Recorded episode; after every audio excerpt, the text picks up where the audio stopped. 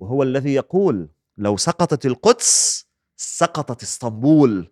لن تعيد تركيا برأيي خطأ الدولة العثمانية. أردوغان دافوس هو نفسه أردوغان اليوم في طوفان الأقصى. لماذا لا ترسل بيرقدار يعني البعض يسأل هذا السؤال بعجالة أيوه. عن طيب نية. سنرى تدخلا تركيا وفق ما تقتضيه ما يقتضيه الواقع وتطور الأمور. ونرجو أن لا يطلق الرصاص على تركيا بل مع تركيا.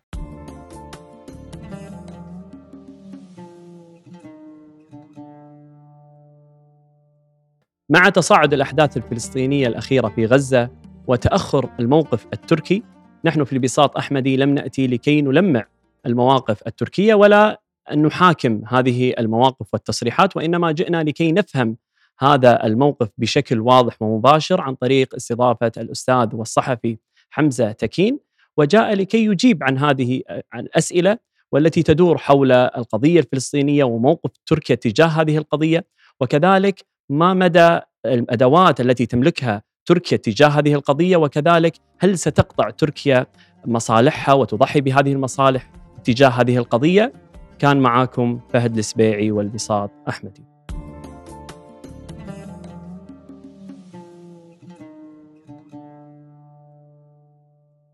يعطيك الصحة والعافية أستاذ حمزة والحمد لله على السلامة.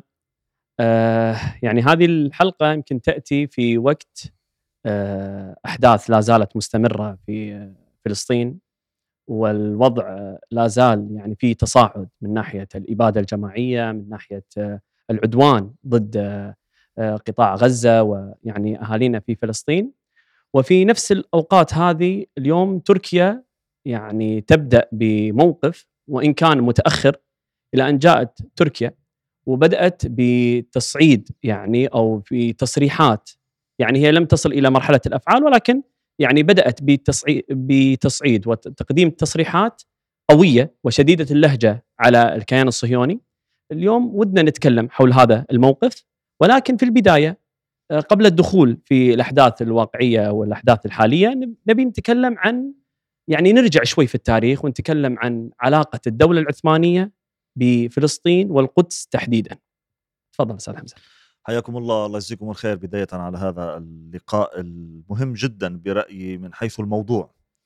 غزة موضوعنا الأساسي حاليا منذ شهر نحن شهر تماما على عملية طوفان الأقصى التي نراها حقيقة أنها عملية تاريخية. سيسجلها التاريخ نصرة لفلسطين والقضية الفلسطينية. ما قام به المقاومون الفلسطينيون عمل جبار وهائل جدا ضد هذا الاحتلال وآلته العسكرية الهائلة والتكنولوجيا التي يتمتع بها والتطور الاستخباراتي والعسكري كل ذلك فشل أمام ثلة من المقاومين. فضربة قوية سيسجلها التاريخ. وهي قضيتنا الأولى كعمل إعلامي حاليا منذ شهر فقط. ليس لنا أي شيء إلا غزة فقط. حتى في القسم الإغاثي يعني على الصعيد الشخصي لدي بعض العمل التطوعي الإغاثي في تركيا كذلك مجير كليا لأجل غزة. غزة أساس.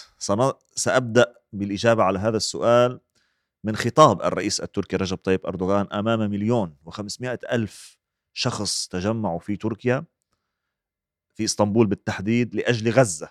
وخطب الرئيس التركي رجب طيب أردوغان بهم وأعطى الإشارة أن غزة منا وليست منفصلة عنا. وقال نحن كنا في غزة في يوم من الأيام قبل مئة سنة. قال ماذا يقصد؟ الدولة العثمانية. الدولة العثمانية التي كانت تتواجد في غزة تتواجد في القدس وفي فلسطين وفي كثير من الأماكن.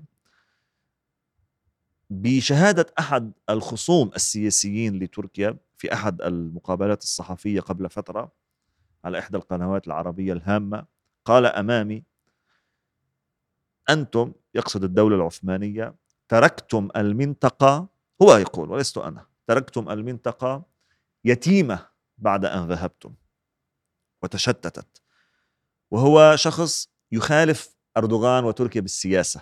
هو يقول هذه الجملة من باب الإساءة لتركيا والدولة العثمانية ولكن هي مدح من حيث لم يدري فعلا لأن إذا أتينا بالتاريخ العثماني الأمة كانت واحدة المسلمين المسلمون بأعراقهم المختلفة التركي العربي الكردي الشركسي الذي يتكلم اللغة العربية الكردية التركية جزء منهم الفارسية واللهجات المتنوعة كانوا تحت راية واحدة. وهذه الراية وفق ما نعتقد وما يؤكده التاريخ لم تكن راية تركية. كانت راية إسلامية وليست تركية بحت. في قيادات الدولة العثمانية لو عدنا للتاريخ سنجد أن الأتراك كانوا يشتركون في الحكم والعرب كانوا يشتركون في الحكم وكذلك الأكراد كانوا يشتركون في الحكم. حتى من غير المسلمين في أقاليمهم التي كانت تابعة للدولة العثمانية كانوا هم يحكمون. كيف يشتركون في الحكم؟ كان هناك وزراء. وزراء. يعني في الدول العربية أستاذي الكريم لم يأتي في غالبية الوقت وغالبية الأحيان الغالبية الساحقة وغالبية الأماكن الجغرافية لم يأتي أتراك ويحكموا تلك المنطقة. بل أهل المنطقة هم الذين يحكمون. ولكن القرار قرار الدولة واحد هو في الباب العالي في إسطنبول. الآن فكرة الجمهورية أو فكرة أي دولة في العالم نفس الفكرة ولكن بمصطلحات جديدة. الآن عندما هناك دولة الآن في كل دولة هناك محافظات وهناك محافظ ولديه سلطة سلطة معينة ضمن محافظته. ولكن في نهاية المطاف هو يعود للمسؤول للحاكم سواء كان رئيس جمهورية أو أمير أو ملك. نفس الفكرة. كان هناك سلطان أمير للمؤمنين خليفة إذا صح التعبير أكثر. وهناك محافظين. كانت الجغرافيا واسعة جدا. نفس الفكرة. ولكن كل محافظة ابن تلك المنطقة. وليس حاكم بالإكراه. يدينون بالولاء لخليفة المسلمين. فكانت الأمة قوية. كانت الأمة لا كانوا لا يستطيعون أن يفعلوا شيء لأي مسلم. تتحرك الجيوش الإسلامية. وما تحرك الخليفة. وماذا حدث في قبل سقوط الدولة وماذا يعني. ولو رجعنا إلى العبارة التي استشهدت بها أستاذ حمزة قضية أنتم تركتم. هل هذا كان قرار من الدولة العثمانية آنذاك؟ هل كان هذا تخلي عن أحد مسؤولياتها يعني الدول لها أعمار كالأشخاص. كانت الدولة العثمانية بعد الحرب العالمية الأولى قد يعني شارفت على الوفاة والموت وضعفت. ويعني أصبح فيها شيء من الأمور غير الجيدة الفساد إذا صح التعبير وبالتالي بدأت تتراجع شيئا فشيئا. حتى أتت الحرب العالمية الأولى وكان القرار الخاطئ من وجهة نظر كثير من المؤرخين الدخول بالحرب. كان قرارا خاطئا. لم تكن الدولة مهيئة وكانت وحيدة. نفس الفكرة لاحقا لو استطعنا الآن غزة. يريدون أن يدخلوا تركيا لوحدها. لن تعيد تركيا برأيي خطأ. الدولة العثمانية عندما انهارت الدولة العثمانية. إما معا إما لا. وسنفصل لاحقا. فالدولة العثمانية هذا سبب انهيارها ولكن البعض الآن البعض المستاضين بالماء العكر الذين يريدون أن يزرعوا الفتنة بين العرب والأتراك بالتحديد يقولون يأتون بآخر عشر سنوات أو خمسة عشر سنة أو عشرين سنة من تاريخ 600 سنة من العزة للمسلمين آخر عشرين سنة 15 سنة يحكمون على 600 سنة. تمام؟ كلنا متفقين. آخر عشرين سنة من الدولة العثمانية لم تكن جيدة. ولكن لا أستطيع أن أحكم على 600 سنة فقط بهذا الجزء البسيط من الزمن. يشتمون الدولة العثمانية يخونون سواء كانوا عرب أو أتراك. يعني هذه الفئة المنحرفة فكريا موجودة حتى عند الأتراك كما عند العرب. الأتراك يقولون العرب خانونا العرب العرب لولا العرب لما سقطنا لولا, لولا هذا كلام ساقط بالدليل طبعا كل ما أقوله كله له أدلة تاريخية ومثبتة. ونأتي عند العرب يقولون الأتراك احتلونا الأتراك قتلونا الأتراك الأتراك الأتراك. وهذا غير صحيح كذلك مثبت العكس تماما. فقط من يردد هذا الأمر؟ لزرع الفتن يتغذون على الفتن بين الأتراك والعرب. هم أقوى قوة في المنطقة. العرب والأتراك لو اجتمع مجددا العرب والأتراك لعادت الولايات المتحدة الأمريكية تدفع لنا الضرائب كما كانت تفعل ذلك للدولة العثمانية. فالدولة العثمانية شيء عظيم. حمت فلسطين لندخل إلى قضية فلسطين. حمت فلسطين وحمت القدس وحمت غزة كذلك. نريد أن نتطرق إلى يعني موقف أظن يعني يعني مثبت تاريخيا قضية السلطان عبد الحميد الثاني وقضيه بيع القدس. آنذاك كانت كأن الدولة العثمانية لديها ديون وكأن كان هناك صفقة. ماذا حدث في ذاك الوقت؟ هذا الأمر غير مثبت تاريخيا. لو كان هناك صفقة كما يدعي البعض ويقول بهذا الكلام كانت الدولة العثمانية بقيت. ولكان السلطان عبد الحميد الثاني رحمه الله تعالى وجزاه الله عنا كل خير لكان بقي في الحكم ولما تعرض لانقلاب عسكري. انقلب انقلب عليه وتوفي منفيا يعني. فتعرض لانقلاب عسكري لأنه رفض بيع القدس. ومن يقول أن السلطان عبد الحميد باع القدس هو ليستهدف الدولة العثمانية وليستهدف تاريخ المسلمين وليس فقط الدولة العثمانية. فالسلطان عبد الحميد مثبت وغالي والسواد الأعظم من البشرية. يعلم أن السلطان عبد الحميد وقف وحيدا ضد الصهيونية في ذاك الوقت ورفض بيع القدس وجملته الشهيرة أو جملته الشهيرة معروفة. يعني لن أتخلى عن شبر من أرض فلسطين. هذه الأرض ليست ملكي. هذه ملك الأمة. ولم يتخلى السلطان عبد الحميد عن فلسطين ولا عن القدس. وهو الذي يقول لو سقطت القدس سقطت إسطنبول. لو سقطت القدس سقطت الأمة. وهذا ما حصل مع الأسف. فدافع حتى آخر رمق من حياته عن القدس واجه الصهيونية واجه مكائد الصهيونية نفس المكائد الآن تحاك للعرب وللأتراك من الصهيونية وبقدر استطاعته دافع عن القدس ودفع الثمن في نهاية المطاف كرسي الحكم تم الانقلاب عليه وتعرض لما تعرض له فعلى العكس تماما لو كان برايي من وقف إلى جانب السلطان عبد الحميد في المنطقة لما سقطت القدس لما سقطت. لكنا الآن نذهب ونأتي إلى القدس ونصلي في المسجد الأقصى بكل سهولة. ولكن مع الأسف ترك السلطان بمبادئه السامية من الأتراك ومن غير الأتراك. كي لا يقول أحد يعني من الأتراك ومن غيره ترك لوحده يواجه الصهيونية واجه بقدر استطاعته ونجحت الصهيونية في نهاية المطاف بإزاحة السلطان وما أخذت القدس إلا عندما ازيل السلطان. وبالتالي هذا أكبر دليل بالعكس تماما. جميل. آه يعني ودنا نتجاوز آه الدولة العثمانية ونذهب إلى آه سؤال تاريخي إلى حد ما. متى بدأت العلاقة بين تركيا والكيان الصهيوني؟ تركيا نتحدث عن تركيا الحديثة. الجمهورية. أي نعم. متى بدأت هذه العلاقة؟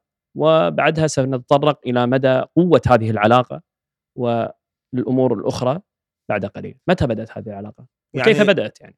يعني ليس سرا إذا قلت إن تركيا هي من أول الدول أو يمكن تكون أول دولة في العالم اعترفت بالكيان الصهيوني كدولة في ذاك الوقت. عندما أسس هذا الكيان غصبا عن المسلمين. بكل أعراقهم على أرض فلسطين. على الأرض التي حارب السلطان عبد الحميد لأجلها وحصل ما حصل في التاريخ. فتركيا الجمهورية اعترفت في ذاك الوقت مباشرة بإسرائيل كدولة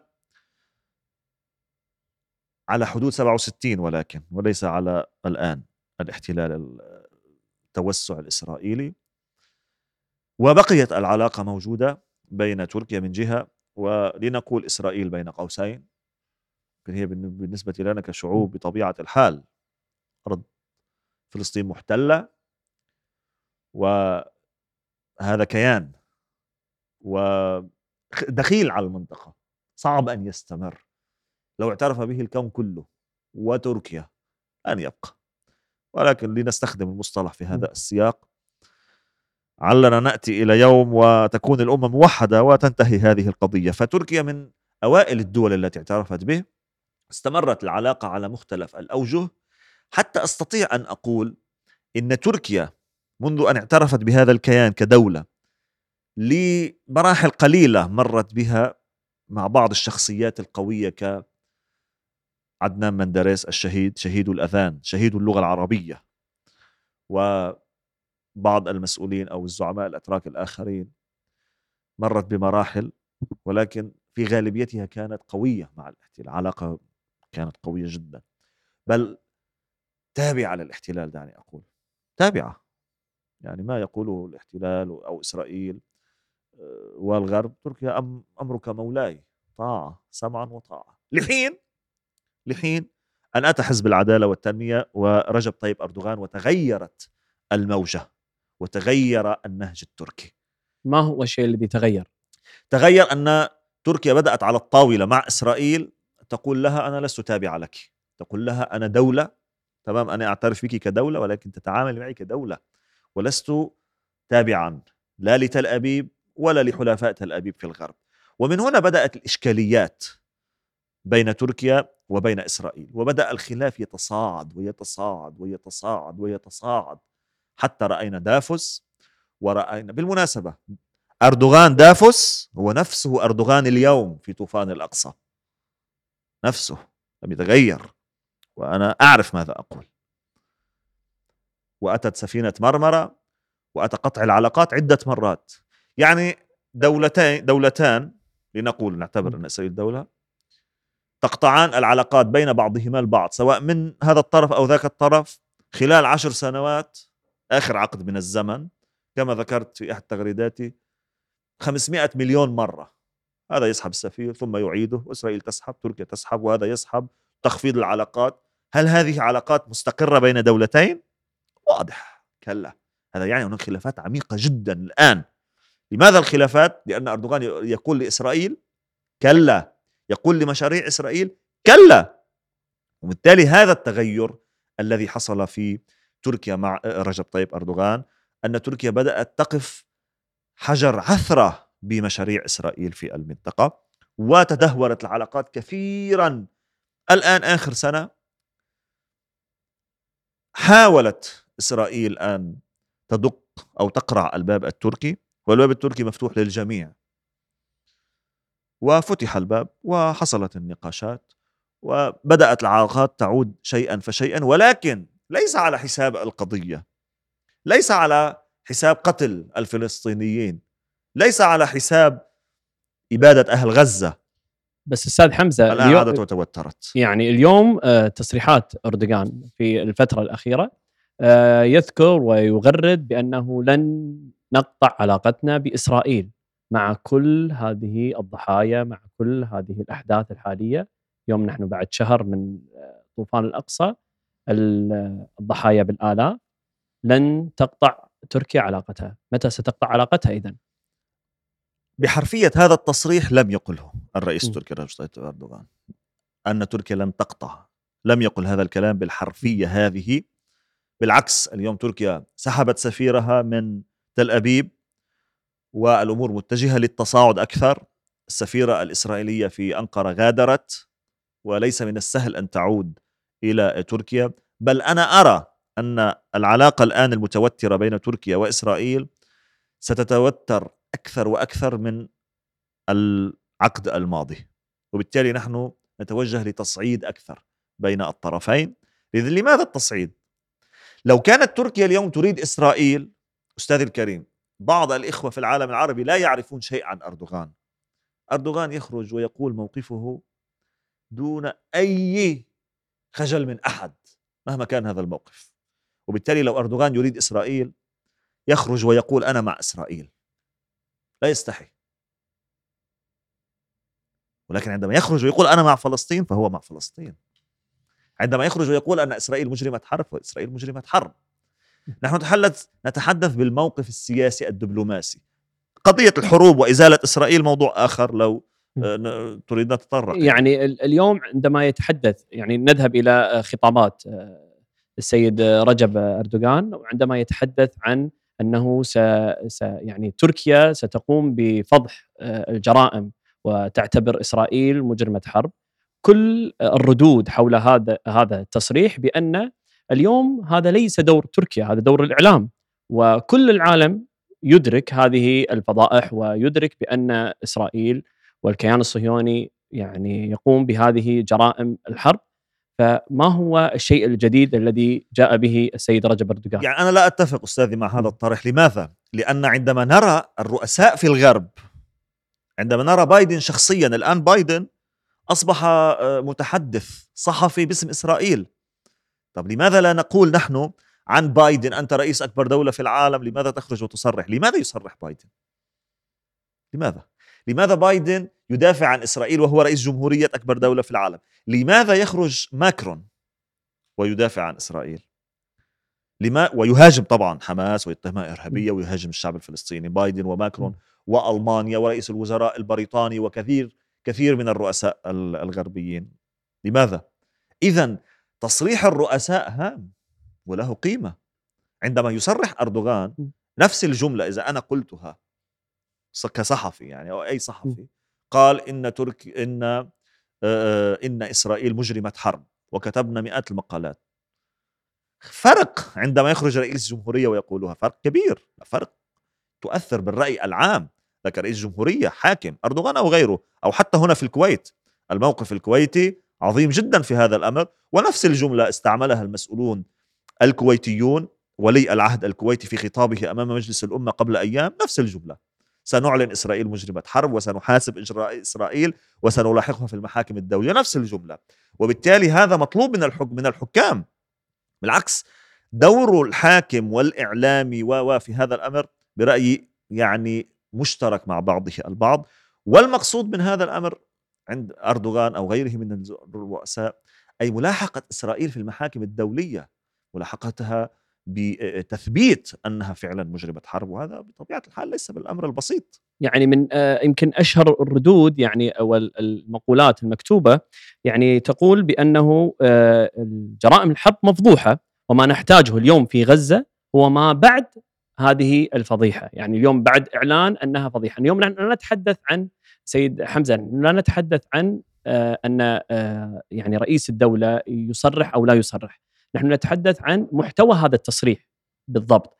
بمعنى أنه إذا كان محتوى هذا التصريح بس مجرد آه، الإعلان أو آه، هو مجرد يعني لا ينتقل إلى أفعال معينة هو سنعلن أنها آه، يعني مجرمة أو سنعلن عن هذا الشيء ما قيمة هذا التصريح ما أثره أصلا. ممتاز. سؤال رائع جدا.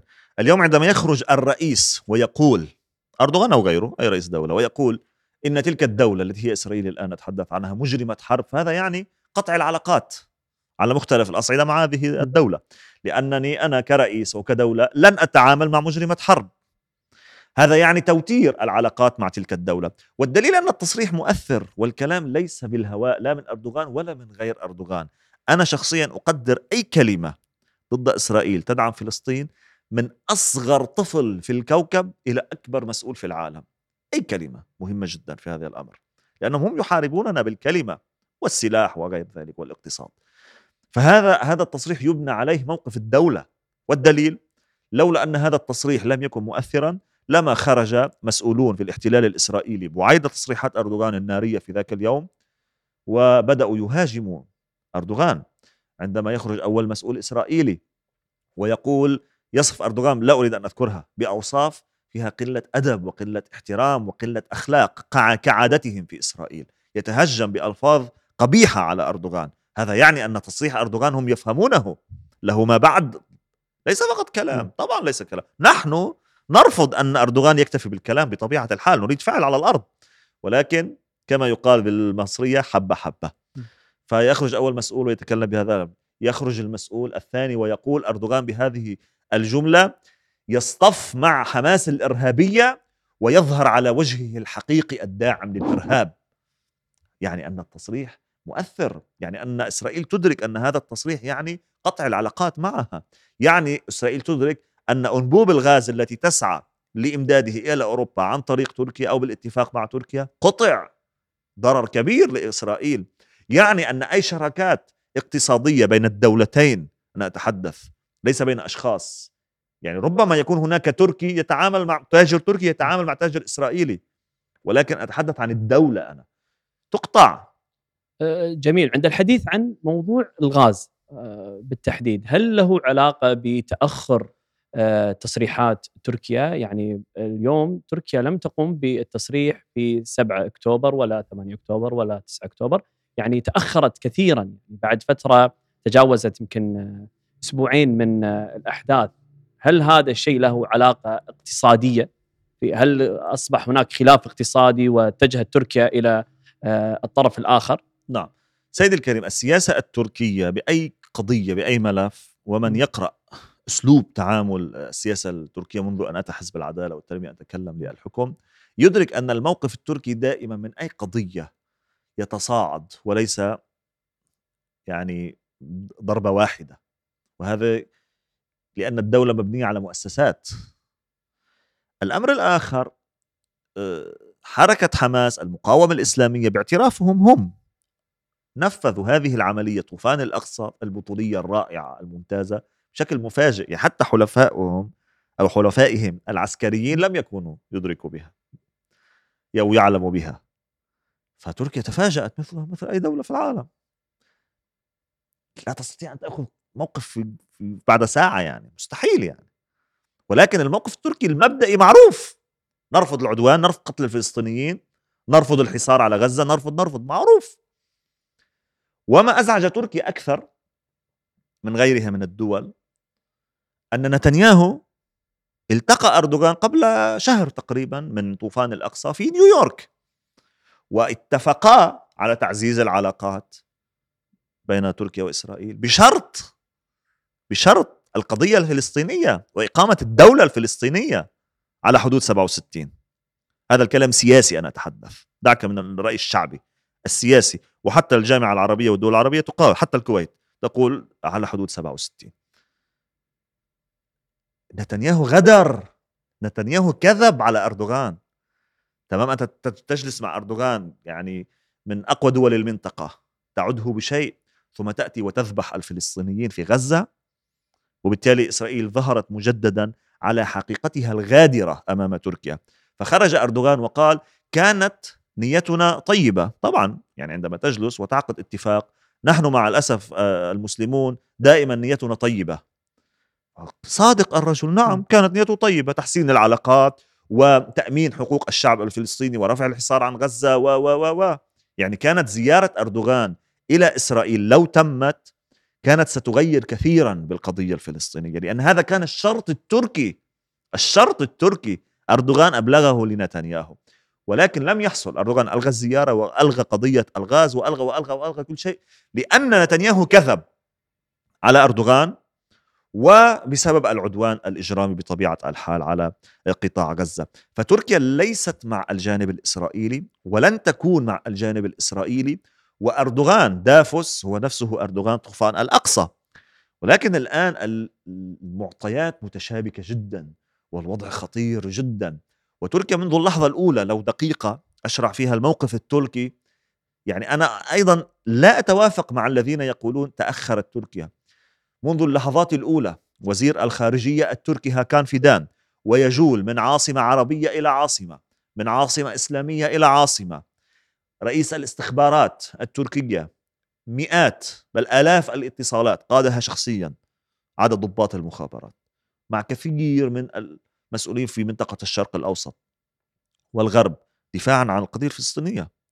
أردوغان شخصيا أكثر رئيس بالعالم أجرى اتصالات دبلوماسية ضد إسرائيل وتحشيدا للشعب الفلسطيني منذ طوفان الأقصى نتحدث لم يجريها أي رئيس في العالم. وبالتالي موقف تركي هذا يدعم.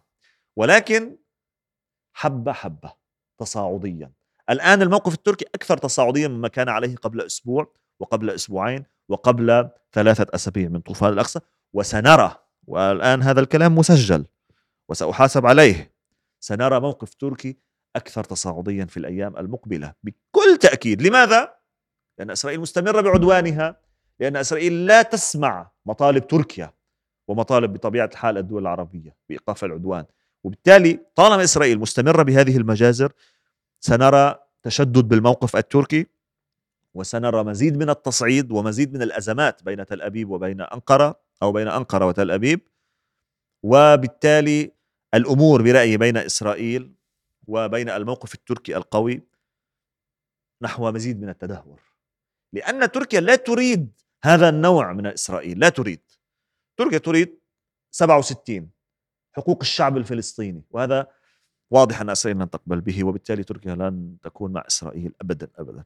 أستاذ حمزة عند الحديث عن المساحة والأدوات السياسية اليوم نسمع عن فكرة آه، الحداد بعد قصف المستشفى آه، تركيا تعلن الحداد ثلاث أيام آه، عند استقبال رئيس أو وزير الخارجية الأمريكي يعني ذكر الإعلام التركي أن هذا استقبال باهت في المقابل أنا أظن أن الذي الذي تم استق... يعني الذي استقبل وزير الخارجية هو وزير الخارجية التركي. نعم. يعني هل كان من المفترض أن يستقبل رئيس الدولة نعم. السيد رجب أردوغان؟ نعم. وهل هذا له أثر أصلا على الموقف السياسي ولا أثر نعم. بسيط جدا؟ طبعا بداية تركيا تم تركيا من الدول القليلة التي أعلنت الحداد على شهداء مجزرة مستشفى المعمداني في غزة وهذا الحداد ليس موضوع رمزي له له تأثر على الشعب له تحشيد للشارع التركي. الشعب التركي من الشعوب التي عندها فكرة القائد الذي يحشد تتأثر بهذا الأمر. فهذا أمر له رمزية كبيرة للشارع التركي. هذه نقطة أساسية. النقطة المهمة وهي من بإطار الدعم التركي للقضية الفلسطينية. أستاذي باختصار تركيا ليست مع إسرائيل. أبدا أبدا. وإذا شعرنا نحن كمواطنين أن تركيا مع إسرائيل لن نكون معها. لن نكون معها. نحن لسنا مع هذا الخط. تركيا مع القضية الفلسطينية بما تستطيع وربما لو كان هناك وقت نتحدث ما هي الإمكانيات التي يمكن أن تقوم بها تركيا الآن لأجل غزة؟ قضية وزير الخارجية بلينكن عندما أتى زيارته الأخيرة إلى أنقرة آه، طبعا هو أتى وصل ومن المطار إلى الفندق وهو يرى صور أبو عبيدة على الطريق. استقبله الشعب التركي بالاستقبال الذي يليق به يعني. صور أبو عبيدة واليافطات المكتوب عليها باللغة الإنجليزية. بلينكين قاتل الأطفال. كانت الرسالة واضحة. وهذا الأمر لا يتم يعني لولا غض الطرف. فكانت الرسالة التركية واضحة. يعني هذه ليست رسالة شعبية آه، أو موقف الشعب التركي فقط. وإنما هو موقف شعب تركي بغض الطرف. هذا ما ذكرت. طبعا. ف يعني حتى وزير الخارجيه التركي والمسيو حتى أردوغان قال إن الغرب اليوم مشترك بقتل الأطفال و وبلينكن أفخم. وهاجمه أردوغان بشكل مباشر. قال أنت أتيت وقلت آه، أنا هنا في المنطقة في إسرائيل كيهودي. ماذا نحن لو قلنا كمسلمين؟ ما هذا الخطاب ال ال ال يعني المتدني من قبل مسؤول حجم وزير خارجية الولايات المتحدة الأمريكية؟ يعني طفل لا يقول هذا التصريح. العمل الدبلوماسي بالفكر الدبلوماسي يعني معيب أن يكون لأمريكا وزير خارجية مثل بلينكن يعني عيب مهم. فكان الاستقبال باهت لبلينكن في أنقرة فعلا. وزير الخارجية التركي استقبله والبعض ذكر أن يعني هناك إشارات حصلت قبيل اللقاء من هاكان فيدان. هاكان فيدان شخصيته قوية على الصعيد الشخصي. يعني صاحب هيبة ورسالة بنظرته حتى أوصل مسجات يعني لبلينكن أن الأمور متوترة وأردوغان رفض استقبال بلينكن نعم عندما نقول استقبال باهت نعم أردوغان رفض لأن إذا أتينا بسجل على سبيل أنا أتكلم عن تركيا ليس أي دولة أخرى. وزراء الخارجية عندما يزورون تركيا لو أتينا بآخر عشر سنوات نفترض عدنا إلى أرشيف الرئاسة كل وزير خارجية يزور رئيس الجمهورية يستقبله. نعم. يستقبله أردوغان. وعدة وزراء زاروا تركيا مؤخرا. وزير الخارجية مثال إيران على سبيل المثال استقبله أردوغان. لكنه رفض استقبال بلينكن نعم وهذه فيه رسالة. لأنه لا يوجد توافق أصلا بين تركيا وأمريكا. لا يوجد يعني يوجد أزمات حقيقية. لماذا؟ لأن اليوم أمريكا تدعم المشروع الإسرائيلي بل هي التي رسمته أصلا ربما. والغرب تهجير أهل غزة. استمرار العدوان استق... آه، الضغط أكثر لإغلاق معبر رفح وكثير من الأمور التي لا ترضى عنها تركيا. وبلينكن ضغط كثيرا على هاكان فيدان في ذاك الاجتماع في أنقرة أو حاول أن يضغط ولكن سمع الكلام الذي لا يسره. وعادة كذلك لو عدنا إلى الأرشيف. أي ضيف في وزارة الخارجية التركية يجري مؤتمر صحفي مع نظيره التركي. دائما. استقبل مؤتمر صحفي مشترك. لم يحصل هذا الأمر. لم يحصل. وذهب بلينكن وصرح على باب طائرته قبل أن يغادر. وبالتالي كانت رسالة اولا وواضح أن الخلاف الأمريكي التركي كبير بشأن إسرائيل. أمريكا تريد تركيا مع إسرائيل وتركيا ترفض هذا الأمر. ممتاز. الآن آه، نذهب إلى ما ذكرته قبل قليل أستاذ حمزة. ما هي الإمكانيات التي يستطيع تستطيع الحكومة التركية أو آه، خلينا نقول كجمهورية تركيا القيام بها. يعني اليوم هناك مطالبات ممكن تكون أكبر من هذه الإمكانيات.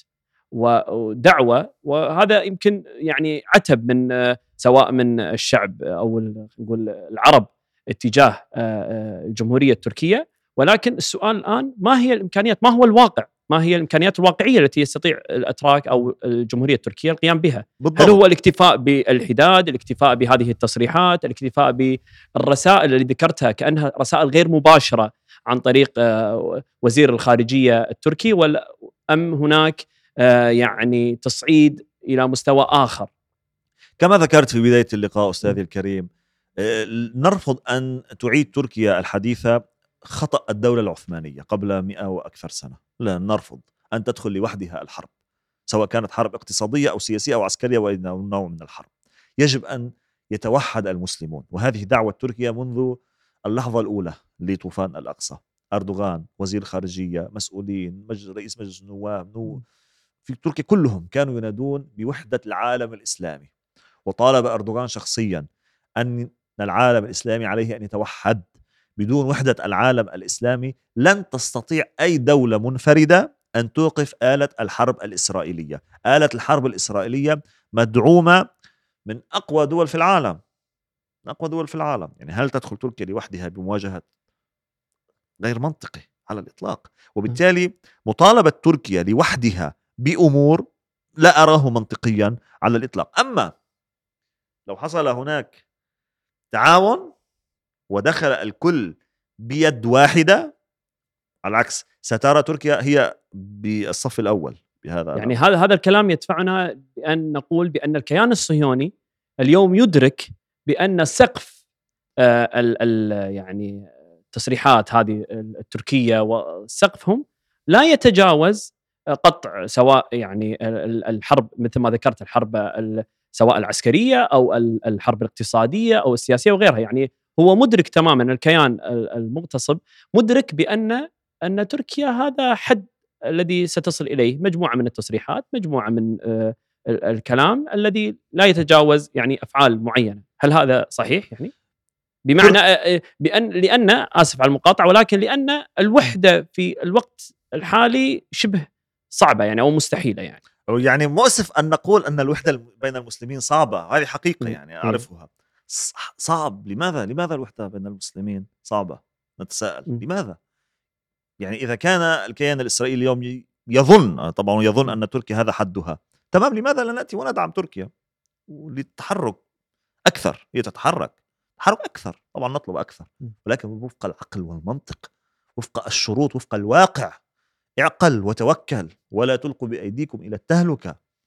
اعقل وتوكل. فالوحدة برأيي بدون وحدة لا حل لقضية فلسطين الحل الشامل أنا اتحدث الآن ممكن هدنة ممكن انتصار يتحقق ممكن الحل الشامل بدون وحدة لن يحصل.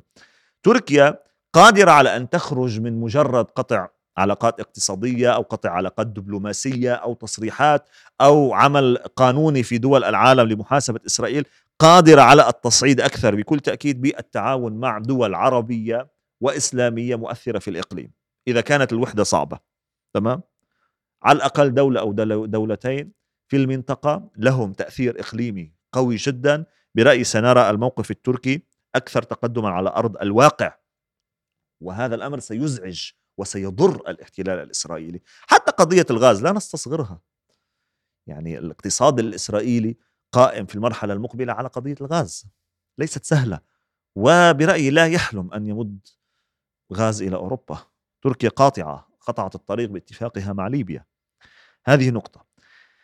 الآن كيف تستطيع تركيا أن تتحرك أكثر؟ لماذا هنا السؤال؟ لماذا تركيا تحركت في أذربيجان بهذه الطريقة؟ لماذا تركيا تحركت في ليبيا بهذه الطريقة؟ لماذا تحركت بالصومال بهذه الطريقة؟ لماذا تحركت مع قطر بهذه الطريقة؟ لماذا؟ لأن هناك اتفاقيات. رغم هذا العالم الظالم الذي نرى أنه ظالم بقانونه ولكن هذا الواقع. حصل اتفاقية بين الحكومة التركية والحكومة القطرية فتحركت تركيا وقطر حليف استراتيجي لتركيا حاليا. كذلك العكس. حصل اتفاق بين تركيا وأذربيجان وبالتالي تركيا تحركت قانونيا وفق هذا الاتفاق.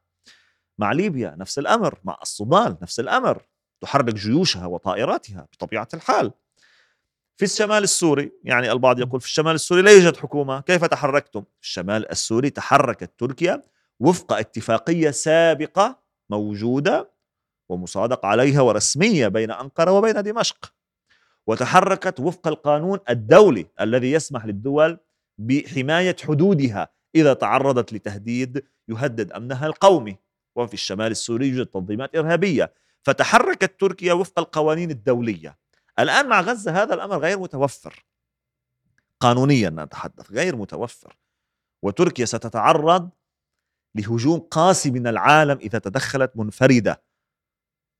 هجوم قاسي سيدمر تركيا حقيقة وسيدمر الاقتصاد التركي. ومع الأسف يعني قد يشترك بتدمير تركيا أو تشترك أطراف في منطقة الشرق الأوسط. لذلك قانونيا صعب التحرك التركي منفردا لذلك نحن نتحدث عن اتفاق ووحدة وعلاقات مع دول إقليمية مؤثرة آه، لهذا الأمر سيكون له أثر كبير على التحرك التركي بطبيعة الحال. عند الحديث عن آه، العلاقات في دول لها تأثير في هذا الإقليم، نريد الحديث عن آه، علاقة تركيا بالجمهورية الإيرانية. هل هناك علاقة قوية وما أثر هذه العلاقة كذلك على القضية الفلسطينية؟ العلاقة بين تركيا وإيران واضح يعني أنها علاقة جيدة بالعنوان العريض يوجد خلافات في أماكن معينة. اقتصاديا وضع ممتاز جدا لأن كل طرف بحاجة للطرف الآخر. يعني إيران بحاجة للاقتصاد التركي وتركيا بحاجة للاقتصاد الإيراني. هذا الأمر يدفع الطرفين لتحييد خلافاتهما في هذا الملف أو ذاك الملف خاصة في القضية السورية وربما العراقية وبعض وحتى أذربيجان حصل خلاف بين الطرفين. ولكن دائما تحرص تركيا وتحرص إيران على أن هذا الخلاف لا يتصاعد كثيرا لأن مشكلة حقيقية. إذا اختلفت تركيا وإيران خلاف جدي حقيقي مشكلة على الشرق الأوسط سيكون يعني من أقوى دول المنطقة إيران وتركيا. وبالتالي علاقاتهما الآن بحد أو بحدود المصالح المشتركة الاقتصادية وبحدود عدم التصادم إذا صح التعبير. أنا شخصيا أرى أن اليوم المقاومة الفلسطينية تستفيد عسكريا من إيران وتستفيد سياسيا من الجانب التركي. يعني إيران علاقاتها الدولية ليست قوية عقوبات وما شابه ذلك. تركيا قادرة على الدفاع عن حق الشعب الفلسطيني في المحافل الدولية وهذا يفيد القضية الفلسطينية. يعني رغم قوة المقاومة رغم قوة السلاح في غزة وفي فلسطين لا يكفي. السلاح يجب أن يكون له جناح سياسي. برأيي تركيا تغطي هذا الجزء؟ هل هذا بالتنسيق مع إيران؟ أم هو يعني هي مثل ما ذكرت يعني كل الجانب يعني كل دولة تقوم بالجانب الذي هو متاح لها واقعيا؟ أم هو هناك تنسيق؟ لا أعتقد أن هناك تنسيق مباشر ولكن بحكم أن تركيا تريد أن تدعم القضية الفلسطينية تريد أن تساعد الشعب الفلسطيني وهذا هو الحد الذي تقدر عليه في هذه الوقت أو في منذ عشرين سنة إلى الآن تدعم سياسيا ودبلوماسيا القضية الفلسطينية في المحافل الدولية بشكل كبير. ليس أمر بسيط أستاذي الكريم عندما تولى تركيا حشد المجتمع الدولي حشد الدول لتأييد فلسطين في المحافل الدولية. ليس أمر بسيط. يعني ليس أمر بسيط على الإطلاق. أمر جبار داعم للقضية. هناك محاولة من الصهيونية العالمية لإماتة القضية الفلسطينية سياسيا وإعلاميا ودبلوماسيا في العالم. لا تركيا تقوم بجزء هام جدا مع بعض الدول بطبيعة الحال ولكن نتحدث حديثنا عن تركيا الآن. لا برأيي هناك فائدة للقضية الفلسطينية. عسكريا هناك طرف آخر. أنا دائما أقول يعني في أحد اللقاءات سألني المذيع هل ستدعمون المقاومة الفلسطينية عسكريا؟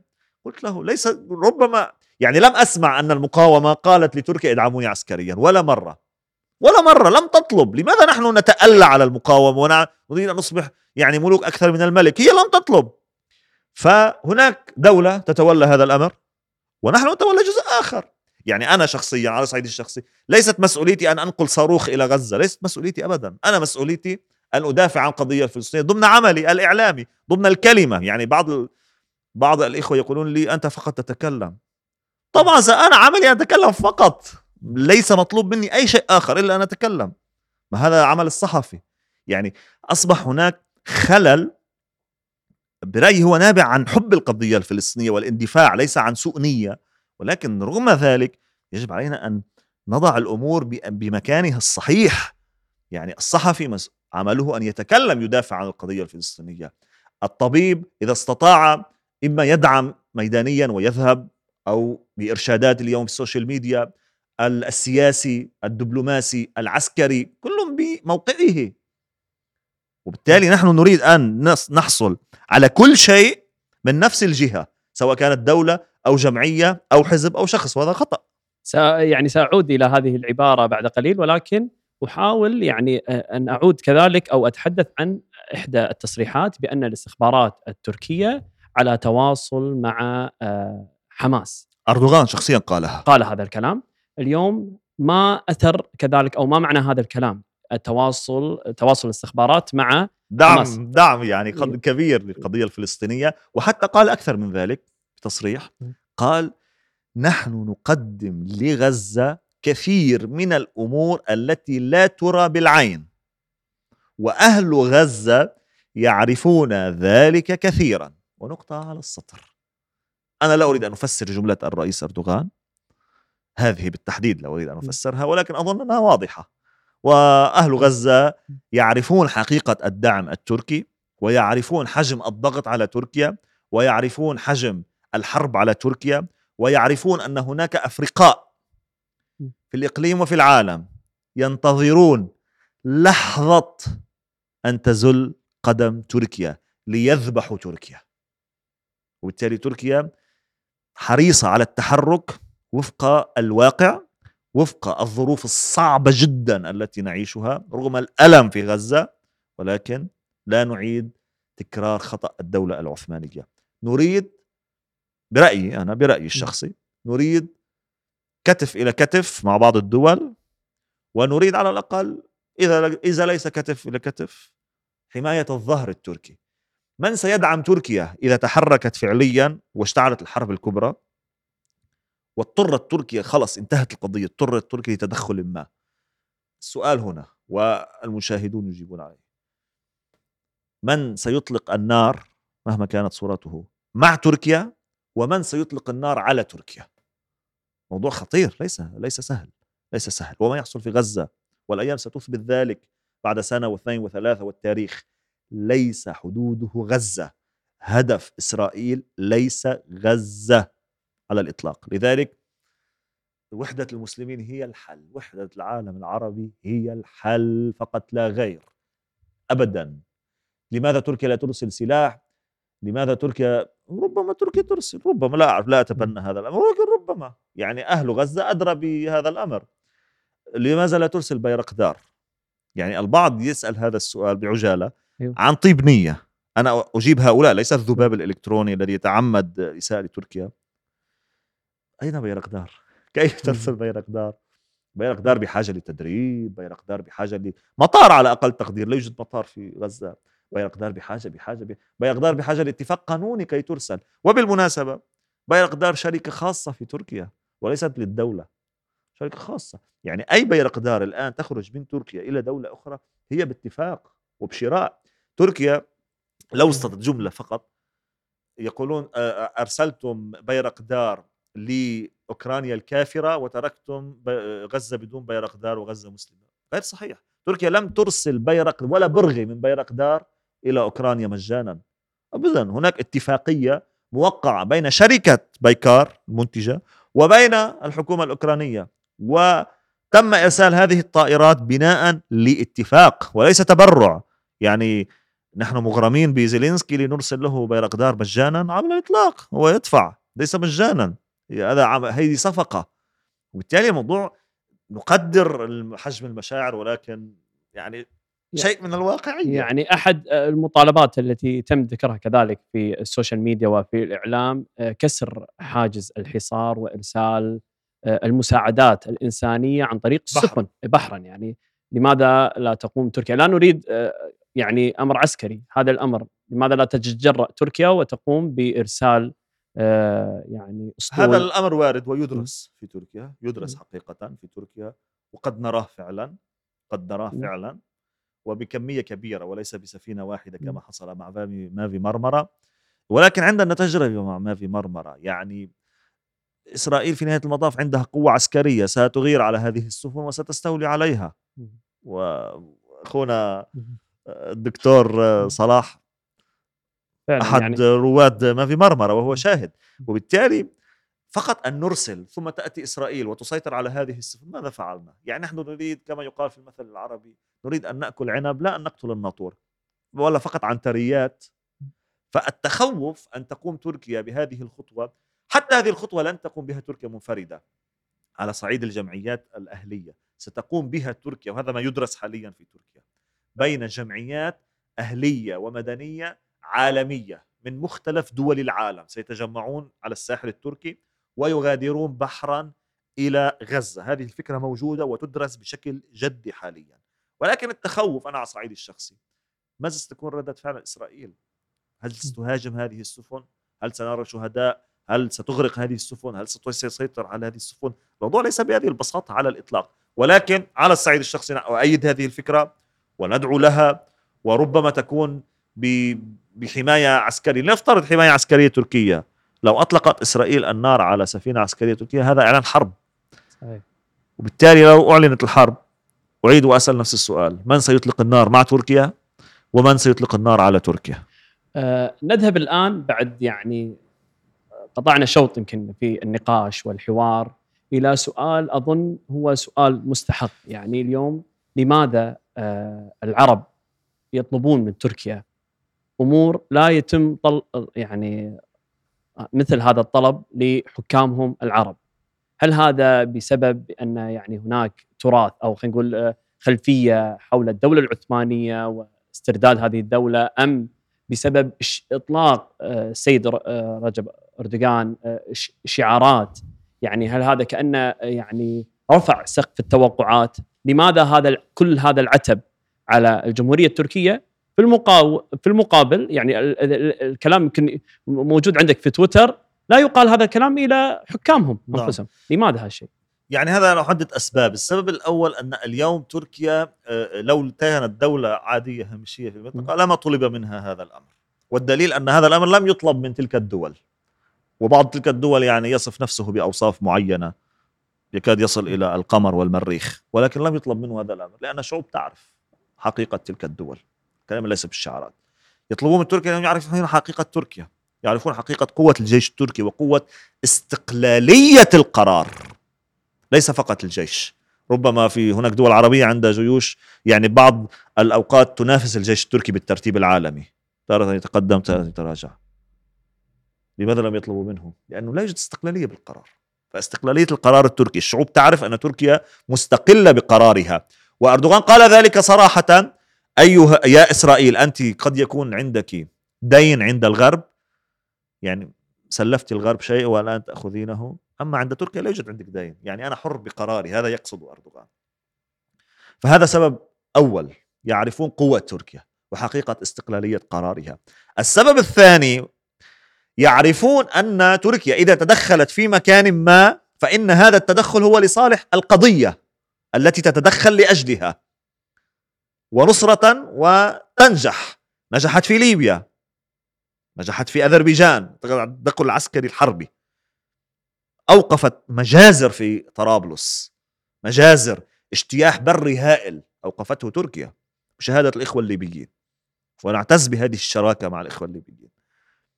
في أذربيجان ثلاثين سنة من المفاوضات والأمم المتحدة وقرارات مجلس الأمن المهترئ 30 سنة ويقول لأرمينيا أنت تحتل قرباغ انسحبي من قرباغ هذه الأرض ليست قرب للأرمينيا هذه لأذربيجان. 30 سنة ومذابح أرمينية بحق المسلمين هناك. 30 سنة ولا شيء. تحالفت أذربيجان مع تركيا باتفاقيات. ذهب الجيش تدرب الجيش الأذري تدخل. أحرق أرمينيا في تلك الأرض وانسحبت. يعني يعرفون أن تركيا إذا تدخلت نجحت. وفعلت وتتدخل بقلب صادق ونية صادقة. نفس الأمر حصل في الشمال السوري. تدخلت تركيا وأحرقت التنظيمات الإرهابية رغم الدعم الغربي الفرنسي الإرهابي الأمريكي كل شيء لهذه التنظيمات قسد. ونجحت تركيا عسكريا وسياسيا. أين تدخلت كذلك؟ عفوا في الصومال. من جيش ضعيف جدا بسبب الحرب على الصومال. يعني ليس ضعيف بسبب أن الصوماليين لا يريدون. بسبب الحصار على الصومال قتل الصوماليين عشرات السنوات. تدخلت تركيا أصبح للصومال عنده الآن جيش قوي جيش. فالشعوب تعرف أن تدخلات تركيا تدخلات ناجحة. لذلك تطلب تركيا التدخل في القضية الفلسطينية لأنهم يعرفون إذا تدخلت فإنها ستنجح. الأمر الثالث قبل الذهاب إلى الأمر الثالث في بداية الحلقة أستاذ حمزة وأنا اليوم يعني أحاول أن أقدم أسئلة آه، المتابع أو المشاهد أو المستمع. أنت في بداية الحلقة قلت لا نريد أن نتدخل ونعيد ما حدث في الحرب العالمية الأولى. والآن ذكرت مجموعة من التدخلات ووصفتها بأنها ناجحة. لماذا لا يعتبر تدخلكم في غزة من الممكن أن يكون يشبه تدخلكم في الصومال وليبيا وأذربيجان وغيرها؟ لأن الظروف القانونية غير متوفرة مع تدخل غزة وبالتالي سيجتمع العالم ضد تركيا. على الأقل قانونيا نتحدث. حصار ومجلس الأمن و و و و. قانونيا غير متوفر جغرافيا غير متوفر البحر لا يكفي. وبالتالي عدة عوامل مختلفة.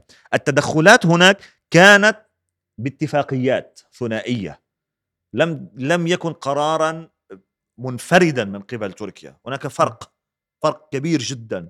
وبطلب من تلك الدول هنا نقطة أساسية أريد أن أعرج عليها. بطلب من تلك الدول وليس تركيا أتت وأريد أن أتدخل بطلب من تلك الدول. هذا لم يحصل مع فلسطين. إلى الآن. إلى الآن. لا مع السلطة في رام الله التي هي السلطة الشرعية أمام العالم. هذا العمل ظالم يا أستاذ. يعني يعترفون بأنظمة ديكتاتورية ويقدمونها ويفرشون لها. عالم ظالم. ليس لا يوجد هذا الطلب من قضية من فلسطين. علما أن أردوغان طرح هذه الفكرة مع محمود أبا عباس في آخر لقاء لهما في أنقرة. طرح. لكن لا يريد. الآن نعود حتى إلى من من من المقاومة ذكرت لم يأتي أي طلب على الأقل عام لم يأتي بالدعم العسكري لم يطلب. حتى لو طلب بالمقاومة صعب لأن الشرعية موجودة في رام الله. فهذه الموضوع القانوني غير متوفر. في أذربيجان في ليبيا في أماكن أخرى طلب من تركيا وعقدت الاتفاقيات وذهبت تركيا. أريد أن أذكر السبب الثالث لمطلب الشعوب. بتدخل آه، تركيا. ذكرنا أنهم يؤمنون أن تركيا دولة قوية حرية حرة بقرارها ويؤمنون أن تركيا إذا تدخلت نجحت ونصرت القضية فعلا. والسبب الثالث آه، يعرفون أن تركيا مع فلسطين وليست مع إسرائيل رغم العلاقة. يعني الآن يا أستاذ الآن هناك علاقة بين تركيا وفرنسا. تمام؟ وهناك سفير فرنسي في أنقرة وهناك سفير تركي في باريس. كل فرنسي أمام الأتراك. يكرهون الأرض التي تشرق عليها الشمس في فرنسا. لا يس يعني العلاقات لا ليست هي المعيار. وليست دليلا. وأردوغان دائما هجوم مع على ماكرون وماكرون يهاجم أردوغان. وعلاقات متوترة جدا بين فرنسا وبين تركيا متوترة إلى الآن. ولكن هناك سفراء وهناك علاقات وطيران يذهب ويأتي وعادي. بس ولكن لا علاقة استراتيجية. هذا الآن مع إسرائيل. لا علاقة استراتيجية بين تركيا وإسرائيل. تركيا قلبا وقالبا لا أريد أن أتحدث بأمور شخصية خاصة لا تذكر. أعرف أنا أن يعني كل المسؤولين ليس جلهم في تركيا هم مع فلسطين. مهما استخدمت تريد أن تستخدم مصطلح حتى النهاية هم مع فلسطين ليسوا مع إسرائيل. فالشعوب تعرف أن تدخل تركيا مع فلسطين هذه النقطة الإضافية أن تدخلها سيكون أكثر من صادق لأنها تركيا مع الشعب الفلسطيني. ونحن عندما يعني أكون أنا حصلت عدة مرات معنا مثال بسيط لأريك. مثلا في أحد المحال التجارية في بورصة في أحد الأيام معنا شاب فلسطيني صديقنا. اشترينا حلوى ونتكلم باللغة العربية. اين أنتم كل واحد أنا هذا الأخ قال أنا من فلسطين. صاحب المحل أخذ منا ثمن البضاعة اللي اشتريناها منه لم يأخذ. قال هذه هدية أنت من فلسطين؟ وأنا أحب فلسطين. يعني الشعب التركي كله مع فلسطين عاطفيا كله مع فلسطين. أنت تريد أن تفعل شيء في تركيا؟ يعني إذا كنت عربي لو لم تكن فلسطيني قل أنا فلسطيني. كل الأبواب تفتح لك. كل شيء كل شيء. فالشعوب تعرف صدق الشعب التركي مع فلسطين. الشعب التركي أستاذ أيام منذ اللحظة الأولى لطوفان الأقصى في الشوارع ينامون ويتظاهرون نصرة للقضية الفلسطينية. فهذه برأيي أسباب ثلاثة لمطالبة تركيا بالتدخل وسنرى تدخلا تركيا وفق ما تقتضيه ما يقتضيه الواقع وتطور الأمور. ونرجو أن لا يطلق الرصاص على تركيا بل مع تركيا. ممتاز. الآن نريد أن يعني نتحدث في بما أن تحدثنا عن نظرة العرب إلى تركيا وتوقعات و وكما يفهمها الشعب التركي أو يعني الحكومة التركية الآن نريد أن نتطرق إلى ما هو سبب تدهور العلاقة بين الشعوب. يعني هذا يمكن حدث خارج عن القضية الفلسطينية ولكن بما أن أستاذ حمزة أنت اليوم معنا حابين نتكلم عن هذا الموضوع. اليوم هناك علاقة متوترة إن صح التعبير. في ال social media واضح هذا التوتر كأن في تسويق لفكرة أن الأتراك في تاريخهم هم يكرهون العرب. منذ سقوط الدولة العثمانية ويعتقدون بأن سبب سقوط الدولة العثمانية هم العرب إلى وصولا إلى الدولة الحديثة اليوم والسياحة الموجودة في تركيا. اليوم السؤال هل هذا الكره لا زال موجود؟ وكيف تتعامل الحكومة التركية مع هذه العنصرية الموجودة من الأتراك تجاه العرب؟ طبعا هذه قضية حساسة جدا ومؤثرة جدا على العلاقات التركية العربية ومن يثير هذا الأمر يعرف هذه الحقيقة ويعرف مدخل تدمير العلاقة. كما ذكرت في لقاء بداية هذا اللقاء أن وحدة الأتراك والعرب سيجبرون أمريكا على دفع الضرائب مجددا لمنطقتنا. تمام. لذلك يزرعون هذه الفتن دائما. يذهبون عند التركي نعيد ونكرر ويقولون أن العربي خانك. يزرعون في نفس التركي كره العربي. ثم يأتون عند العرب ويقولون الأتراك احتلوكم وقتلوكم وظلموكم. يزرعون في نفوس العرب كره الأتراك وبالتالي يكرهون بعضهم وبالتالي كل واحد لوحده تأتي قوى الاستعمار وتستفرد بكل طرف لوحدها لوحده. ويغنون على حسب النغمة التي يريدونها. ونحن في سباتنا يعني هل نفسر هذا الموضوع آه، تفسير آه، كأنها نظرية مؤامرة تجاه العلاقة العربية طبعا؟ أنا أفسرها مؤامرة الآن م. أنا أفسر لأننا لدينا الوثائق وقرأنا التاريخ لا العرب خانوا الأتراك هذه كذبة كبيرة جدا زرعت في عقول الأتراك ولا الأتراك ظلموا العرب وهذه كذبة زرعت في نفوس العرب وعقول العرب. ممتاز. الآن لو افترضنا أن هذه الكذبة زرعت في آه، عقلية أو في تاريخ الأتراك هل اليوم ما نشاهده من تصرفات اتجاه السياح العرب اتجاه العرب أنفسهم المستقرين كذلك؟ يعني جزء كبير منهم مستقر في تركيا أو يعني يمكن يجلس في تركيا أكثر مما يجلس في آه، بلده يعني. هذا هذه هل آثار ما تم زرعه أم هذا شيء غير موجود أصلا؟ هي نكون واقعيين يعني. لا هي موجودة ولكن ليس بهذا الحجم المضخم اعلاميا. والدليل أن الموضوع مستهدف أن كل من روج أو دعني أقول 95% من روج لهذا الأمر هي حملات معروفة الحسابات على ال social media معروفها. من يديرها؟ وفي أي عاصمة يجلس؟ نعرفها وليسمعني. نحن نعرفها. تماما. أنها حملات ممولة تضخيم لأي حدث بسيط. تضخيم يحدث لاي حدث بسيط. وكثير من الإخوة العرب خاصة الكويتيين وكذلك القطريين خرجوا على ال social media وردوا على تلك الحملات. يا أخي حدث بسيط يضخمه الإعلام والكره والعنصرية. طب الآن أين العنصرية؟ لماذا سكت الإعلام الآن؟ هي موجة لتحقيق هدف معين. العنصرية موجودة عند كل شعوب الكوكب كل شعوب الأرض. هذه العنصرية موجودة. وستبقى إلى يوم القيامة. برأيي. وبالتالي المشكلة ليست بالعنصرية المشكلة بتغذية العنصرية المشكلة بالإضاءة على العنصرية وإهمال الجوانب الإيجابية بين الشعوب واللقطات الإيجابية بين الشعوب والتآخي الذي أنا أراه للعرب في تركيا والاستقبال الحافل للعرب في تركيا. ولكن اليوم هناك هجوم لا يريدون هذه الوحدة أن تعود مجددا بين العرب والاتراك رأوا خلال العقد الماضي هذه الوحدة ال- ال- التي كادت تدمر 90% من الاستعمار الفكري في المنطقة. برأيي هذه المحاولة التي رأيناها قبل أشهر فشلت لم تنجح. ولو أثرت قليلا برأيي فترة قليلة وستكشف الحقيقة سواء للأتراك الذين يتكلمون بالسوء على العرب جزء من الشعب التركي طبعا. وجزء من الشعب التركي يكره التركي لأنه يصلي يا أستاذ. يكره التركية لأنها محجبة. يعني فما بالك بالعربي. فهذه العنصرية موجودة. بالعكس نحن نقول إخواننا العرب إذا هناك جزء في تركيا يحب العرب ويعرف الحقيقة أن العرب إخوة لنا وهناك جزء لا يعرف وبالحكي حارب العرب نحن كعرب من المفترض أن ندعم ذاك الجزء ليصبح هو السواد الأعظم ويميت السوء الموجود عند الشعب. لا نأتي ونضع الكل في سلة واحدة. هذا فيه ظلم كبير حتى عند الأتراك بطبيعة الحال. كما عند العرب ذباب إلكتروني يشتم. يعني حتى بين الدول العربية نرى الذباب الالكتروني آه، حتى على الكويت يعني نرى الذباب الالكتروني حتى أكاد أرى كل شهر تقريبا هناك حملة ضد الكويت. كما أيضا في تركيا يوجد ذباب إلكتروني. حتى أنا أتعرض لهجوم من الذباب الإلكتروني التركي. مع الأسف أنا ضحية الطرفين.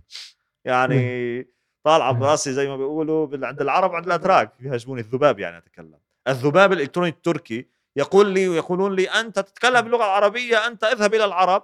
والعرب يقولون أنت تركي لا تتكلم مع العرب اذهب إلى الاتراك فأنا ضائع. ممتاز. نريد الحديث عن موضوع اللاجئين السوريين وهي قضية جدا جدا حساسة. تم استقبال عدد كبير من اللاجئين السوريين في تركيا ولم يتم استقبالهم أصلا في دول عربية. في المقابل اليوم وبعد استقبال هذه المجموعة يتم يعني محاربتهم وتهجيرهم. آه لماذا هذا التذبذب في الموقف التركي؟ في البداية تم استقبالهم من ناحية إنسانية وأخوية وفي المقابل تم التعامل معهم بطريقة لا إنسانية. ما هو هذا السبب؟ يعني الآن تركيا سيدي الكريم كما ذكرت آه، تركيا استقبلت اللاجئين السوريين بالتحديد. مع الأسف الدول العربية لم تستقبلهم ودول استقبلت طبعا آه، وما زالت تستقبل. تركيا الدولة الوحيدة التي استقبلت هذا العدد باللاجئين. تركيا الدولة الأكبر في العالم التي تستقبل اللاجئين من حيث العدد سوريين وغير سوريين. آه، تركيا أكثر دولة في العالم تقدم خدمات إنسانية أكثر دولة في العالم من حيث دخلها القومي مقارنة بدخلها القومي. من حيث العدد آه، ربما دول أخرى. فالقضية السورية حساسة بالنسبة لتركيا وكما ذكرنا الحدود يعني دولة جغرافية مجاورة لتركيا. والإخوة السوريون لم يجدوا نصيرا لهم إلا في تركيا. وكثير من المشاريع الاقتصادية والتجارية والتربوية والتعليمية للسوريين نجحت في تركيا وانطلق كثير من السوريين في تركيا. مئات بل آلاف الطلاب السوريون كرموا في تركيا في الجامعات التركية في المدارس التركية. سمح لهم بكل شيء في تركيا ويذهبون ويأتون في كل تركيا كما يرغبون وكما يريدون. تمام؟ ولكن في نهاية المطاف يجب أن يكون هناك قانون يحكم من يجلس على بقعة الجغرافية هذه من الأتراك ومن السوريين ومن أي جنسية. يعني أنا الآن عندما أنا في الكويت الآن. ألتزم بالقانون الكويتي. مهما كان هذا القانون أعجبني أو لم يعجبني أنا ألتزم بالقانون الكويتي. من المطار إلى المطار. يعني هل هذا كلام يدل على أن اللاجئين اللاجئين السوريين لم يلتزموا بهذا. ليس اللاجئين أو ليس كلهم. هناك جزء معين. نعم سأتحدث في هذا الأمر. فبعض مثلا بطاقة الحماية المؤقتة في آه، تركيا آه، القانون يقول الأخ السوري الذي أخذ بطاقة من ولاية إسطنبول لا يحق له أن يعيش في ولاية بورصة. يجب أن يعيش في ولاية إسطنبول. وبورصة كذلك وغازي عنتاب. حصلت إشكالية في السنتين الأخيرتين أن الكل يريد أن يعيش في إسطنبول مثال. وأصبح أمر عائق على إسطنبول وتضخم سكاني كبير في إسطنبول من سوريين واتراك ليس فقط سوريين يعني. حتى من الأتراك يأتون إلى إسطنبول بكثافة ويجلسون في إسطنبول. الحكومة لا تريد هذا الأمر. فأصدرت مرة واثنين وثلاثة الإخوة السوريون. على فكرة المشكلة مع السوريين فقط في إسطنبول يعني في تركيا المناطق سهلة. عودوا إلى ولاياتكم. حتى أن الحكومة التركية لديها مشروع لإخراج الأتراك من إسطنبول وليس فقط السوريين. يعني القضية لا تستهدف السوريين بل تستهدف التنظيم. هذه نقطة. النقطة الثانية مهما كانت القضية لجوء ووضع إنساني يجب الالتزام بالقانون. يجب الالتزام بالقانون. لو عملية لجوء يعني اللاجئ اليوم لماذا يلتزم بالقانون في ألمانيا؟ لماذا؟ لماذا يلتزم بالقانون في هولندا؟ ولا يريد أن يلتزم بالقانون في تركيا لماذا؟ يعني أنا أريد أن أقول لك آه، ما هو التصور الموجود لدى آه، بعض الموجودين يقول بأن تركيا تراجعت عن الموقف الانساني على الإطلاق. يعني لا لا يتم آه، تصور أن هناك ممكن تج... يعني كل اللاجئين الموجودين على مستوى العالم أكيد في جزء كبير منهم لا يحترم القوانين أو يخطئ ونحن لا نتحدث عن هذه المجموعة ولكن نريد العودة إلى أن موقف تركيا كأنه هناك تراجع في الموقف الإنساني تجاه اللاجئين. يعني نحن جلسنا عدة مرات باجتماعات رسمية مع مسؤولين أتراك معنيين باللاجئين وكان هناك إخوة من السوريين ومن جلسات عربية أخرى. أه، لقاءات تنظيمية ولقاءات إعلامية. لم نسمع هذا القرار من المسؤولين الأتراك ابدا بالعكس الباب مفتوح التركي الباب التركي مفتوح.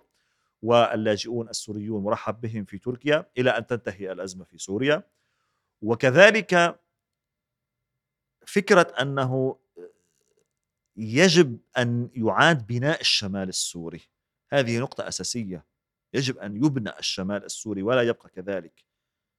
هذه تركيا تدفع بها هذه الفكرة تدفع بها تشجع اللاجئين على العودة إلى الشمال السوري ليزدهر. من سيبني الشمال السوري؟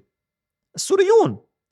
فهناك دفع تركي لهذه الفكرة وهناك مشاريع تقام تركية وكويتية تركية وقطرية في الشمال السوري لتشجع السوريين على العودة إلى بلادهم. وكثير من السوريين أنا أعرفهم تجار ولديهم مصانع في تركيا يقولون أول استقرار في الشمال السوري أو إذا وجدنا بنية تحتية سنعود وسننقل مشاريعنا إلى الشمال السوري. في نهاية المطاف يريدون أن يعودوا. أما فكرة أن تركيا تخلت فهذا الأمر غير صحيح والدليل أن بتركيا هناك 4 مليون ونصف. لاجئ سوري الآن. أنا أتحدثك. يعيشون في تركيا. لو تركيا فعلا تخلت لكانت أرسلتهم إلى سوريا. ولكن على العكس من يحترم القانون بالقانون اللجوء أو قانون الإقامة على الرأس والعين في عند تركيا. وهذا سمعناه من وزير الداخلية التركي الحالي علي يرليكايا. من يحترم القانون على الرأس والعين ولكن من يخالف القانون لذلك الهبة الأمنية الأخيرة في تركيا هي لمحاسبة غير الملتزمين بالقانون وليس لمحاسبة السوريين. هذا الفرق بالمصطلح. هذه هي النقطة الأساسية وهذا هو الفرق. ولكن التضخيم الإعلامي طبعا تحصل بعض الإشكالات من ضابط هنا أو ضابط هناك وأنا ذكرت نرفض هذا الأمر. وتجب محاسبة الضابط التركي الذي يتجاوز حدوده بالتعامل. حتى لو كان مخالف يجب أن يحترم. توقيفه يجب أن يتم بطريقة محترمة لائقة. نحن نرفض هذه الأمور طبيعة الحال ولكن هي أحداث فردية ليس قرار الدولة التركية. هذا الفرق. وكذلك آه، آه، الفكرة التي كنت أقولها آه، الاحترام احترام القانون هذه نقطة أساسية. فالحملة هي ضد المخالفين وليس ضد السوريين. يعني كثير من المخالفين غير السوريين يحملون جنسيات أخرى تمت محاسبتهم ولكن الاعلام يذكرهم فقط سوريين لأنها كانت هجمة على تركيا. يريدون أن يصوروا ضمن هذه الهجمة الكره العربي التركي. أتت في نفس الفترة أستاذ الكريم نفس الفترة. قضية السياحة والتهجم على السياح نفس الفترة نفس الشهر. فهذا أمر ليس ببريء. هذا الأمر مدروس. وحتى جهات تركية مشتركة فيه. يعني لو برئ هناك أنا دائما قلت هناك يمين ويسار. في اليمين هذا الأمر الطيب أتراك وعرب وأكراد وغير لا أعرف هذا قلت هؤلاء طيبين. وهنا بالسيء يوجد أتراك وعرب كذلك. يعني لا نقول هذا الشعب جيد وهذا الشعب سيء. ما يهمنا من يفعل الخير نحن معه ومن يفعل السوء نحن ضده سواء كان تركي أو غير تركي يعني المسلم في أراكان في فيتنام الطيب أقرب لي من التركي غير الذي لا يلتزم لا بالأخلاق ولا بالقانون والقضية ليست عرقية. فالقضية الالتزام بالقانون القضية آه، آه، تنظيمية في اسطنبول بالتحديد أنا أتحرك آه، أتكلم ليس في تركيا تنظيمية بحتة. والمشروع التنظيمي استهدف السوريين والأتراك. وما زال وسنرى أكثر في المرحلة المقبلة تنظيمية. أخي اذهب إلى اسطنبول لا تستطيع تقود سيارة بسبب الكثافة السكانية التي تسبب بها الأتراك قبل السوريين. يعني كان يقول له الآن حمزة التكين يقول أن السوريين تسببوا كأكرم إمام اوغلو رئيس م. البلدية. طبيعة الحال هذا الكلام مرفوض. ولكن فعلا مدينه إسطنبول تحتاج لتنظيم. يشمل كل من يجلس فيها بغض النظر عن جنسيته وعرقه. تركيا ما زالت مع القضية السورية سياسيا وعسكريا وامنيا مع الشعب السوري. لم تتخلى عن ذلك. وأنا أذهب إلى سوريا. قبل فترة كنت في سوريا يوم طوفان الأقصى كنت في سوريا أنا. يوم طوفان الأقصى في عفرين لم نرى من الشعب السوري هناك خلال الزيارة الأخيرة وحتى الزياره السابقة إلا المحبة إلا أجمل الاستقبال إلا أجمل الكلام. وبالتالي هذا وهم ليسوا مضطرين للمجاملة. يعني أغلبهم يروني أو يرون الفريق اول مرة. ولمرة واحدة سنلتقي نصف ساعة وأذهب. يعني لا يوجد حاجة للمجاملة. ليس لديهم أصلا أي مصلحة معي أو مع أي أحد. ولكن لم نسمع يوما كلمة سوء. من أي سوري بشكل شخصي. على ال social media البعض يكون يتعرض لغبن ما في تركيا دولة في النهاية يوجد فيها من يعني في الدولة وأركان الموظفين يوجد الصالح ويوجد الطالح. قد تتعرض لمشكلة. يعني أنا بعض الأحيان لدي أوراق رسمية في الدولة. ربما يخرج أمامي موظف يعرقل لي الأوراق. آه طبيعي في أي دولة في العالم يعني. ولكن بعض الإخوة السوريين عندما يتعرضون لهكذا مشكلة. يخرجون الدولة التركية. يا أخي ما علاقة الدولة هذا شخص اجهب واشتكي عليه. فالقضية آه، الأحداث التي حصلت آه، إذا كانت سلبية من مسؤولين أمنيين أو إداريين أو هي برأيي أحداث فردية وبالأرقام هي أحداث فردية. يعني 4 مليون ونصف 5 مليون سوري في تركيا كم الذين تعرضوا لإشكالات؟ كم نسبتهم؟ قليلة. السياح العرب في تركيا كم نسبة الذين تعرضوا لإشكالات؟ نسبة قليلة كل الشعب الكويتي تقريبا زار تركيا. كم كويتي تعرض لإشكال؟ لا يذكر. فهذه إشكالات طبيعية تضخم في الإعلام للإساءة للطرفين برأيي لأن هذه الفيديوهات تترجم حتى للتركية وبالتالي يخرج الأتراك يشتموا العرب ويخرج العرب يشتموا الأتراك. ونعيد المستعمر مرة جديدة لن نكون لا مع التركي العنصري ولا مع التركي ولا مع العربي العنصري. ابدا. ابدا ابدا. سنبقى رغم هذه الحروب الإعلامية التي نشهدها سنبقى نقرب وجهات النظر ونكشف الحقيقة للعرب وللأتراك. هذا إذا لم يتحد العرب والأتراك في الشرق الأوسط منطقتنا ستبقى بهذه الدوامة. والاتحاد لا أقصد به إذابة الدول. كل دولة تبقى كما هي. اتحاد الموقف استقلالية القرار للجميع ويكون موقفهم الموقف الاستراتيجي لأي قضية موحد.